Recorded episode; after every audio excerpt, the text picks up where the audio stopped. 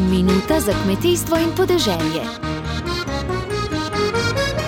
Danes stopa v veljavo odlok o finančnem nadomestilu zaradi izpada dohodka v pridelavi vina zaradi drugega vala epidemije novega koronavirusa. Nosilec kmetijskega gospodarstva mora za pridobitev finančnega nadomestila izpolnjevati naslednje pogoje. 31. decembra 2020 je imel v registru prijavljenih vsaj 4000 litrov vina letnika 2020. 31. decembra 2020 je imel v registru prijavljene zaloge vina za leto 2020, če je v skladu s predpisom, ki ureja ta registr, zavezan za prijavo zalog. Na dan uveljavitve tega odloka, torej na današnji dan 23. marca, ne sme biti v osebnem stečaju, stečaju ali likvidaciji. Na dan uveljavitve tega odloka mora imeti poravnane zapadle davčne obveznosti in druge denarne nedavčne obveznosti, za nakazilo dodeljenih sredstev pa mora imeti odprt transakcijski račun v skladu s 35. členom zakona o kmetijstvu.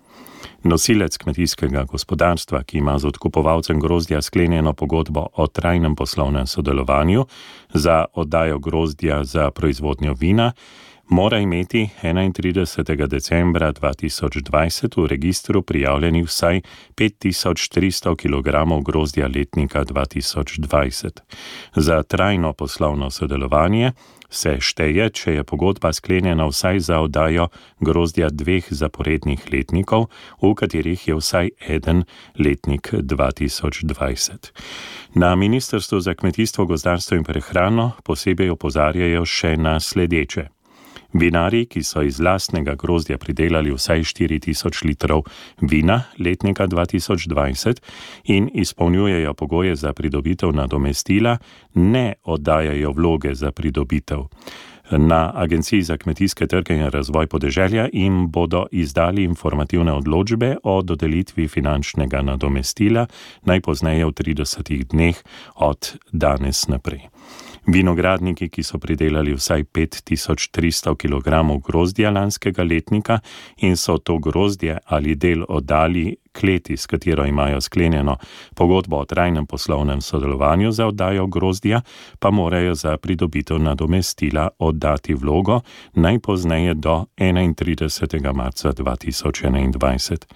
Vloga je dosegljiva na spletni strani eh, kmetijskega ministrstva in Agencije za kmetijske trge in razvoj podeželja. In še enkrat povdarjam, upravičenec mora imeti na današnji dan, torej na dan uveljavitve odloka, poravnane zapadle davčne obveznosti in druge denarne nedavčne obveznosti v skladu z zakonom, ki ureja finančno upravo v višini, ki presega 50 evrov.